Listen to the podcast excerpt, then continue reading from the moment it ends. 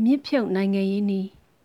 နွေဦးဒေါ်လာရဲ့ပန်းနိုင်ဟာ Federal Democracy ပြည်ထောင်စုလို့ရေးတော်ပုံသမားတိုင်းကသတ်မှတ်ထားပါတယ်။ဒီပန်းနိုင်ကပဲနွေဦးဒေါ်လာရဲ့နီးနာတွေကိုမြင်သာစေမှာပါ။တနည်းအားဖြင့်ဒေါ်လာရဲ့ပန်းနိုင်ဟာစကားစပြုတ်ကြရင်မှရက်တက်မသွားမှာကိုမြင်ကြရပါမယ်။ဒီတော့နီးနာအသွဲသွဲအကြောင်းပြောတဲ့အခါလက်နက်ကင်ဒေါ်လာကြီးဟာတခုတည်းသောနီးလန်းလို့မြင်လို့မဖြစ်တော့ပါဘူး။လက်နက်ကင်ဒေါ်လာကြီးဟာစကားစကိုဖြုတ်ချဖို့ဒီပဲအသုံးတည့်နိုင်မှာဖြစ်ပါတယ်။ Federal Democracy ပြည်ထောင်စုတည်ထောင်မှုကတော့တွစ်ဆုံဆွေးနွေးရေးဆိုတဲ့နိုင်ငံရေးနည်းလမ်းကိုမသုံးလို့မှမဖြစ်ပဲဘူးဒီတော့ရှင်းပါတယ် New Dollar ရေးဆိုတာနိုင်ငံရေးနည်းလမ်းကိုပြစ်ပယ်တဲ့လှုပ်ရှားမှုမဟုတ်ပါဘူးဒါကိုအထင်ရှားမြင်ရမှာကပြည်ထောင်စုလွှတ်တော်ကိုစားပြုကော်မတီမြို့သားညီညွတ်ရေးအစိုးရတို့ပါဝင်ပြီးမြို့သားညီညွတ်ရေးအတိုင်းအငံကောင်စီတို့က Federal Democracy ပြည်ညင်ကိုရေးဆွဲဖို့အစုအဖွဲ့တော်တော်များများနဲ့တွေ့ဆုံဆွေးနွေးအပြေရှားပြီး အားထုတ်တာပါပဲမြေပြင်မှာစခါဆပြုတ်ကြရေးအတွက် PDF တွေနဲ့လက်နက်ကိုင်းတော်လှန်ရေးကိုဆင်နွှဲနေတဲ့တစ်ချိန်တည်းမှာပဲ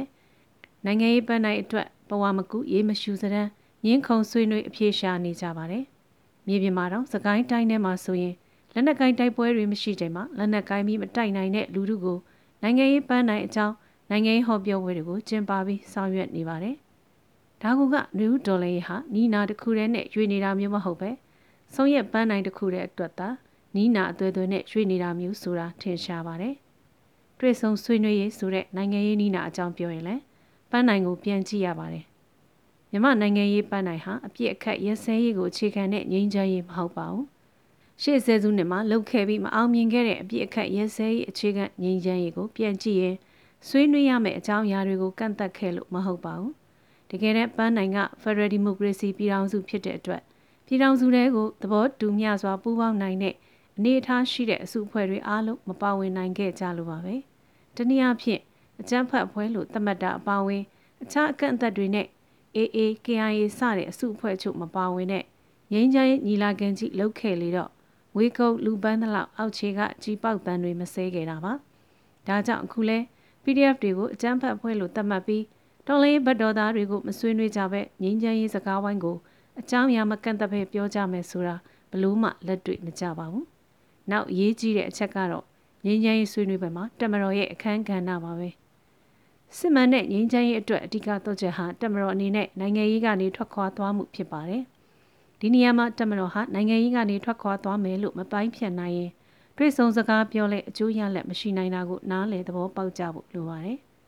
တော်လိုင်းသမားတွေကတွေ့ဆုံဆွေးနွေးစကားလာမပြောနဲ့လို့ဆိုကြတာဟာဒီသဘောကိုဆိုလိုတာဖြစ်ပါတယ် Federal Democracy ပြည်ထောင်စုတည်ထောင်မှုအတွက်လူမျိုးအလိုက်ဖြစ်စေပါတီအလိုက်ဖြစ်စေအကြောင်းအရာလိုက်ဖြစ်စေကိုစားပြုနိုင်တဲ့အစုအဖွဲ့တွေကြားမှာနိုင်ငံတည်ထောင်ရေးဆိုင်ရာအကြောင်းအရာတွေကိုဆွေးနွေးကြရပါတယ်။တမတော်ဟာတမတော်ကိုယ်တိုင်ကလွဲပြီးဘယ်သူကမှကိုစားမပြုနိုင်တဲ့ institution တစ်ခုသာဖြစ်ပြီး Federal အစုအဖွဲ့တစ်ခုမဖြစ်နိုင်တဲ့အတွက် မြန်မာနိုင်ငံရေးပန်းနိုင်အတွက်နိုင်ငံရေးနီလန်းတကျတွဲဆုံဆွေးနွေးအပြေရှားရေးမှာပါဝင်ဆွေးနွေးတိုက်တဲ့အစုအဖွဲ့မဟုတ်ပါဘူး။တမတော်ဆိုတာဟာဒီဇက်အစိုးရများရဲ့မူဝါဒနဲ့အညီတာဝန်ထမ်းဆောင်ရတဲ့ institution တစ်ခုသာဖြစ်ပါတယ်။ကိုပိုင်နိုင်ငံရေးလမ်းစဉ်နဲ့ပန်းနိုင်တွေကင်ဆွဲချမှတ်ရမယ့်အစုအဖွဲ့မဟုတ်ပါဘူး။အဲဒါကြောင့် Federal Democracy ပြည်ထောင်စုကိုဘယ်လိုဖွဲ့ကြမလဲဆိုတဲ့နိုင်ငံရေးပန်းနိုင်ကိုဆွေးနွေးရမှာ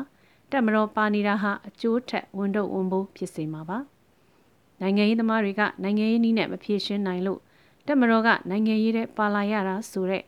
အသားတုံးရောင်ဆောင်ထားတဲ့ဂျင်းတုံကြီးကိုလည်းဆက်မစားကြရအောင်ပါ။နွေဦးဒေါ်လန်ရဲ့အမြင့်ဖြုတ်ရေးခြေလှမ်းဟာတမတော်ကိုနိုင်ငံရေးတွေကအကျွေးမဲ့ထာဝရထွက်သွားဖို့လှုံ့ဆော်ခြင်းဖြစ်ပြီး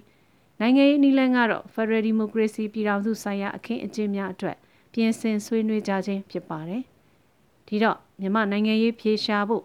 နိုင်ငံရေးနည်းလမ်းကိုအကောင်းဆုံးအသုံးချခြင်းသူတွေဖို့အကန့်အသတ်မဲ့တဲ့ဆိုတဲ့ဆွေးနွေးပွဲမှာတမတော်အနေနဲ့နိုင်ငံရေးကနေအကျွေးမဲ့ထာဝရထွက်သွားဖို့ကိုသာအရင်ဆုံးဆွေးနွေးကြဖို့ပါပဲရှင်။